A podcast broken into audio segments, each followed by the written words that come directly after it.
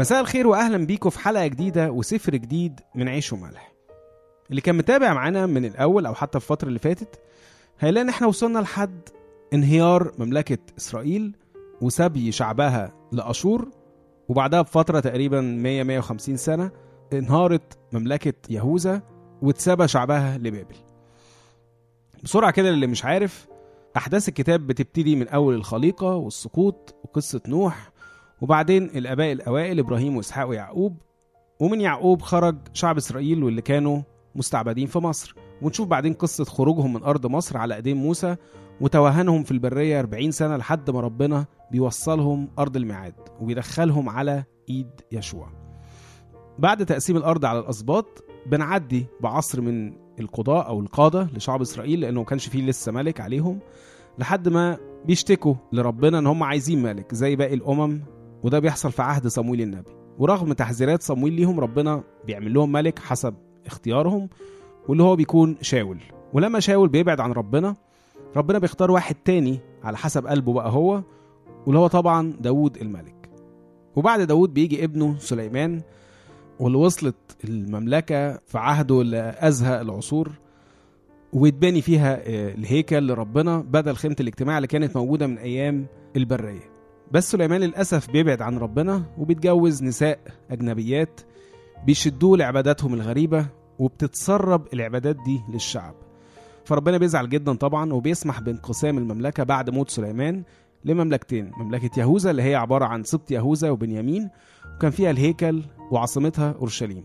وباقي الأسباط تمردوا على رحبعام اللي هو ابن سليمان وعملوا مملكة إسرائيل بقيادة واحد اسمه يربعام ابن نباط. وزي ما شفنا ان يربعام عشان يثبت حكمه بيعمل عبادة موازية في إسرائيل عشان ما حدش يحتاج يروح أورشليم يسجد في الهيكل. فبنى عجلين من الذهب وأقنع الشعب إن هم ممكن يعبدوا ربنا من خلال العجلين دول. وعمل لهم بقى كهنة من أسباط تانية طبعا غير لاوي.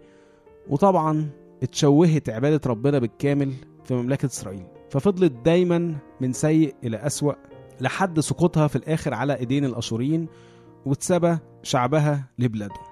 مملكة يهوذا كان حالها أحسن شوية رغم بعدها في كتير من الأوقات عن ربنا فكانت يوم فوق ويوم تحت لحد ما بعد هم كمان تماما عن ربنا. وبعد تحذيرات كتيرة قوي ربنا بيسمح إن أورشليم كمان تسقط. ومش بس كده لأ بيتهدم الهيكل ويتاخد كل اللي فيه على إيدين نبوخذ نصر وبيتسيبي كل اللي فيها لمملكة بابل. وبتنتهي بكده مملكة يهوذا وهو ده اللي كنا وقفنا عنده في آخر سفر ملوك تاني. على قد ما النهايه دي أكيد حزينة وإنه فعلا ممكن يجي وقت لأي مملكة حتى لو من ربنا إنها تنتهي ببعد الناس عنه. مفيش حاجة ابدا مسلم بيها for granted بس برضه الكتاب بيورينا إن زي ما ربنا بنى وبعدين هدم ممكن يرجع تاني يبني اللي هدمه ده. كله في وقته وبتدبيره على حسب ما يشوف إنه الإنسان اتأدب وفهم الدرس عشان يرجع يكمل صح من تاني. زي ما بيقول سليمان في سفر الجامعة الإصحاح الثالث وهو بيتكلم عن مواعيد ربنا. يقول لنا كده في عدد ثلاثة للقتل وقت وللشفاء وقت للهدم وقت وللبناء وقت. وزي ما كنا بنقول في آخر حلقة لو نفتكر من زمان قوي أنا عارف إنه حتى لو في موت بس هو مع ربنا ربنا يقدر يحيي ويقوم من تاني. والعكس طبعا. أي حياة وهي بعيدة عن ربنا ملهاش أي قيمة. لأنها هي والموت واحد.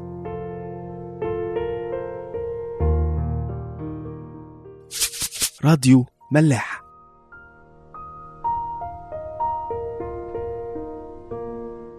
يمكن اللي فاضل من الأسفار التاريخية مش كتير هم ثلاث أسفار بس عزرا ونحامية وإستر واللي هم بيحكوا عن مرحلة الرجوع من السبي أو في الحقبة الزمنية دي يعني لأنه سفر إستر بيتكلم عن قصة حصلت في الأسر.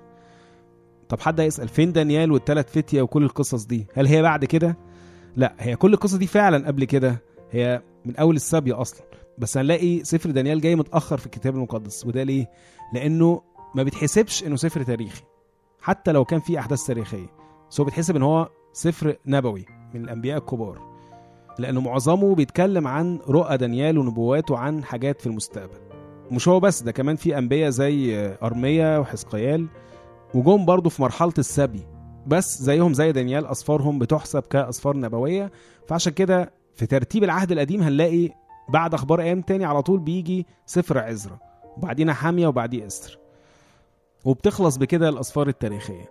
بعد كده نلاقي الاسفار الشعرية اللي هي زي مزامير وجامعه وأيوب وكده وبعدين الأنبياء الكبار والصغار.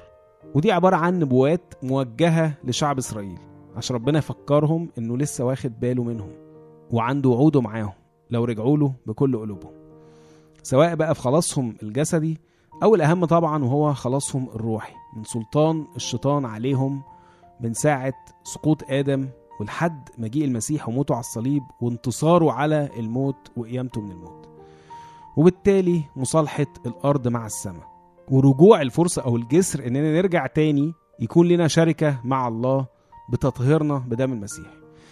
معلش يعني لو المقدمة طويلة شوية بس كان لازم نستوعب كل ده قبل ما نبدأ في سفر جديد ده زي ما قلنا أول سفر بيجي بعد ملوك وأخبار أيام هو سفر عزرا. وأحداث السفر ده أو الحدث الرئيسي في السفر اللي هو بنى الهيكل وتدشينه بتدور بعد حوالي 70 سنة من سبي شعب إسرائيل سواء من أسباط يهوذا وبنيامين ولاوي اللي هم كانوا تبع سبط يهوذا أو الناس اللي جت من أسباط مختلفة وانضموا لمملكة يهوذا واتسابوا برضو معاهم لبابل وقت نبوخذ نصر وبنلاقي حاجة غريبة جدا إن ربنا كان واعد شعب إسرائيل بالرجوع ده وفي المدة المحددة دي هنلاقي ربنا قال كده على لسان أرميا النبي صح 29 أعداد 10 ل 14 زي ما قلنا أرميا النبي كان جه في أول السبي خالص. يقول كده لأنه هكذا قال الرب إني عند تمام سبعين سنة لبابل للسبي يعني أتعهدكم وأقيم لكم كلامي الصالح بردكم إلى هذا الموضع. لأني عرفت الأفكار التي أنا مفتكر بها عنكم يقول الرب أفكار سلام لا شر لأعطيكم آخرة ورجاء. فتدعونني وتذهبون وتصلون إلي فأسمع لكم. وتطلبونني فتجدونني إذ تطلبونني بكل قلبكم. فأوجد لكم يقول الرب وأرد سبيكم وأجمعكم من كل الأمم ومن كل المواضع التي طردتكم إليها. يقول الرب وأردكم إلى الموضع الذي سبيتكم منه. وده بيوريني حاجة مهمة قوي عن شخص ربنا. إن كل تعاملاته معانا في كل الأوقات وخصوصا في الأوقات الصعبة واللي بنحس إنه سابنا أو غضبان مننا. بس الحقيقة مش ده اللي حاصل.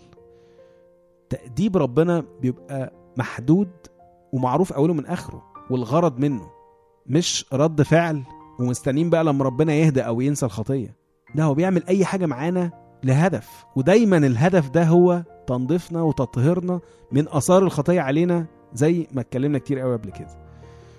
وبيقولها ربنا نفسه بمنتهى الوضوح في وسط كلامه عن الأسر والتأديب 70 سنة كاملة في عدد 11 يوعدهم وبيوعد أي واحد بيتعرض لتأديب إن كل خطط ربنا لينا ما فيهاش أي شر. مهما كانت تبدو متعبة ومحزنة ومؤلمة بس ما تخافش لأن نهاية خطط ربنا دايما خير. الخلاص النصرة القيامة المجد أي فكرة حلوة تيجي في دماغك اتأكد إنها نهاية خطة ربنا ليك.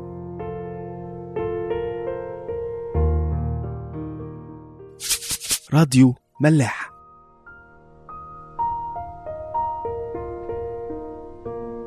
الحاجة التانية غريبة برضو اللي لقيتها في تفسيرات كتيرة اللي بيبين إشمعنى 70 سنة بالذات. هلاقي آية في آخر أخبار أيام تاني صح 36 بعد ما بيحكي الكتاب عن سقوط أورشليم وحرق الهيكل وسبي كل اللي فضلوا يقول لنا كده في عدد 21 يقول الكلام ده يحصل لإكمال كلام الرب بفم أرمية حتى استوفت الأرض ثبوتها لأنها ثبتت في كل أيام خرابها لإكمال سبعين سنة. معناه إيه بقى الكلام ده؟ إنه من الواضح إنه شعب إسرائيل قعد فترة حوالي 490 سنة ما يعملش بوصية ربنا بخصوص السنة السبعة إيه بقى موضوع السنة السبعة هنلاقي الكلام ده في لاويين 25 أعداد واحد لسبعة. يقول كده وكلم الرب موسى في جبل سيناء قائلا كلم بني إسرائيل وقل لهم متى أتيتم إلى الأرض التي أنا أعطيكم؟ تثبت الأرض سبتا للرب. ست سنين تزرع حقلك وست سنين تقضب كرمك وتجمع غلتهما وأما السنة السابعة ففيها يكون للأرض سبت عطلة. سبتا للرب. لا تزرع حقلك ولا تقضب كرمك. زريع حصيدك لا تحصد وعنب كرمك المحول لا تقطف. سنة عطلة تكون للأرض. ويكون سبت الأرض لكم طعاما لك ولعبدك ولأمتك ولأجيرك ولمستوطنك النازلين عندك. ولبهائمك وللحيوان الذي في أرضك تكون كل غلتها طعاما. يعني ربنا كان قايل لشعب إسرائيل يريحوا الأرض سنة كل ست سنين فتبقى السنة دي سبت للرب. فهم في سبعين سنة ما قدموهاش سبت للرب. فده لو حسبناها كده هنلاقي إن هم لو في 70 سنة ما قدموهاش يبقى ده معناه إن هم قعدوا حوالي 490 سنة بعاد عن ربنا وعن وصايا ربنا. طيب دي الوصية. لو ما عملوش كده بقى هنلاقي الرد في لوين 26 الصح اللي بعديه. من أول عدد 27 يقول لنا كده. إن كنتم بذلك لا تسمعون لي بل سلكتم معي بالخلاف يعني لكل بقى اللي فات أيا كان هو إيه بيقول كلام كتير قوي وكله حصل. الأرض هتتاخد منكم هتتسبوا هتتبهدلوا وكل الكلام ده. ويجي في عدد 34 و35 يقول كده. حينئذ تستوفي الأرض ثبوتها كل أيام وحشتها وأنتم في أرض أعدائكم. حينئذ تثبت الأرض وتستوفي ثبوتها. كل أيام وحشتها تثبت ما لم تثبته من ثبوتكم في سكنكم عليها. طيب قبل ما نتكلم على إيه علاقة ده بينا دلوقتي يعني موضوع السبت ده ما يهمناش قوي ممكن طالما ما بقاش في سبت والكلام ده. حد هيسأل طب هو ليه ربنا بيتعامل كده معاهم برضه؟ ومعقول عشان ما ادلوش السبت أو أي عطية ايا كانت هي إيه يوم واخدها منهم بالشكل ده بالعافية؟ هو الحقيقة هسأل سؤال تاني يمكن يجاوبنا على السؤال ده. هو ربنا محتاج مننا أصلا أي عطية؟ أكيد لأ. هو اللي مدينا كل حاجة أصلا. طب ليه ربنا قدس السبت بالشكل ده؟ سواء اللي هو كل أسبوع أو في السنة السابعة. أكيد في هدف. خلونا نتخيل كده حياة اليهود من غير سبت. كانوا يشتغلوا على طول بدون توقف. مش هيرتاحوا. ماشي بس معقول ربنا عمل كده عشان يريحهم بس؟ آه هو الحقيقة لما بنخش في عمق معنى الراحة بالنسبة لربنا بنكتشف إنها في صميم الإيمان. لأنه معنى إننا نرتاح في ربنا في السبت إننا واثقين في ربنا مأمنين إنه هيكفينا وهيباركنا أضعاف اللي كنا هنشتغله في اليوم ده أو في السنة دي. وده اللي ربنا علمه لشعب إسرائيل لو نفتكر في البرية. لما كان بيطلب منهم إن هم ما يشيلوش أي حاجة من المن والسلوى طول أيام الأسبوع. واللي حاول يعمل كده كان اللي شاله ده بيبوظ وبيدود. ما عدا يوم واحد يوم الجمعة كان ربنا سامح لهم إن هم يشيلوا ضعف احتياجهم عشان ما يشتغلوش السبت. وطبعا ما كانش بيبوظ ساعتها. ليه بقى كل ده؟ عشان يعلمهم الإيمان انه ربنا واخد باله منهم. هو اللي بيبعت كده كده في شغلهم أو في سبتهم. فلما بقى جم في وقت نسيوا وصاياه وفقدوا إيمانهم فيه أكيد نسيوا السبت. فهو ما كانش السبت في حد ذاته المشكلة طبعا إنما عدم إيمانهم في ربنا اللي هو ادالهم الأرض اللي هم فيها دي أصلا. فبالتالي ربنا كان لازم ياخد منهم الأرض دي عشان يستوعبوا من تاني إنه في داهية الأرض سواء السنة دي أو السبعين سنة اللي هم اتسابوا فيها. إنما الأهم هو عشرتهم مع ربنا. اللي قادر يرجع لهم الأرض هنا والسما بعد كده. يعني تهيألي كده ممكن يكون فهمنا شوية علاقة ده بينا. حتى لو بقاش في السبت اللي كان عند اليهود بس المسيح ما جاش ينقض أو يهد إنما يكمل. هو قال كده. والقيم اللي هو كان بيحاول ربنا يزرعها في اليهود أطفال الإيمان بالقوانين الواضحة بالثواب وعقاب وبركة ولعنة هي هي نفسها وأكتر منها كمان اللي المسيح جه يكملها معانا وعايزها مننا بالإيمان. في متى خمسة عدد 20 المسيح يقول لنا كده بوضوح فإني أقول لكم إنكم إن لم يزد بركم على الكتبة والفريسيين لن تدخلوا ملكوت السماوات. ليه بيقول الكلام ده؟ لأن اليهود إدوا السبت لربنا بالقانون وبالشريعة بالخوف من اللعنة والطمع في البركة. فلو هم عملوا كده فبالأولى بقى إن إحنا ندي ربنا السبت والحد وكل أيام الأسبوع. ولو هم إدوا السنة السبعة بس المفروض إن إحنا نديله كل سنين حياتنا. طب إيه يعني المطلوب؟ ما نشتغلش أو نقعد نتعبد ونخدم بس طول حياتنا؟ أكيد مش ده المقصود. إنما هو إننا نفهم إن كل أيامنا أصلا بتاعه ربنا. بتاعه المسيح. ما ينفعش نفصلها ونقول لا دي للشغل ودي لربنا. دايما نكون في حالة استعداد لخدمة ربنا وكلمة ربنا. وإحنا بره الشغل أو جواه. ما بقتش فارقة في غلطية 2 20 بولس يقول لنا كده. مع المسيح صلبت فأحيا لا أنا بل المسيح يحيا فيا. فما أحياه الآن في الجسد فإنما أحياه في الإيمان. إيمان ابن الله الذي أحبني وأسلم نفسه لأجلي. إحنا متنا خلاص مفروض يعني. من أول ما قررنا نآمن ونتعمد إحنا متنا مع المسيح. الباقي ده بقى إحنا عايشينه سفرة عن المسيح زي ما بولس قال. دايبين في وسط الناس آه. بس مش ناسين أصلنا ومهمتنا إننا بتوع المسيح. مش يوم في الأسبوع ولا سنة واحدة كل ست سنين. لا طول الوقت. تالي لو استوعبنا الكلام ده حياتنا هتتغير تماما. بس لو نسيناه تستغربش إن ربنا يحاول يفكرك بيه زي ما عمل مع شعبه بالسبي. عشان أنت برضو ابنه. يعني لو أنت معتبر نفسك كده. نشوفكم الحلقة الجاية.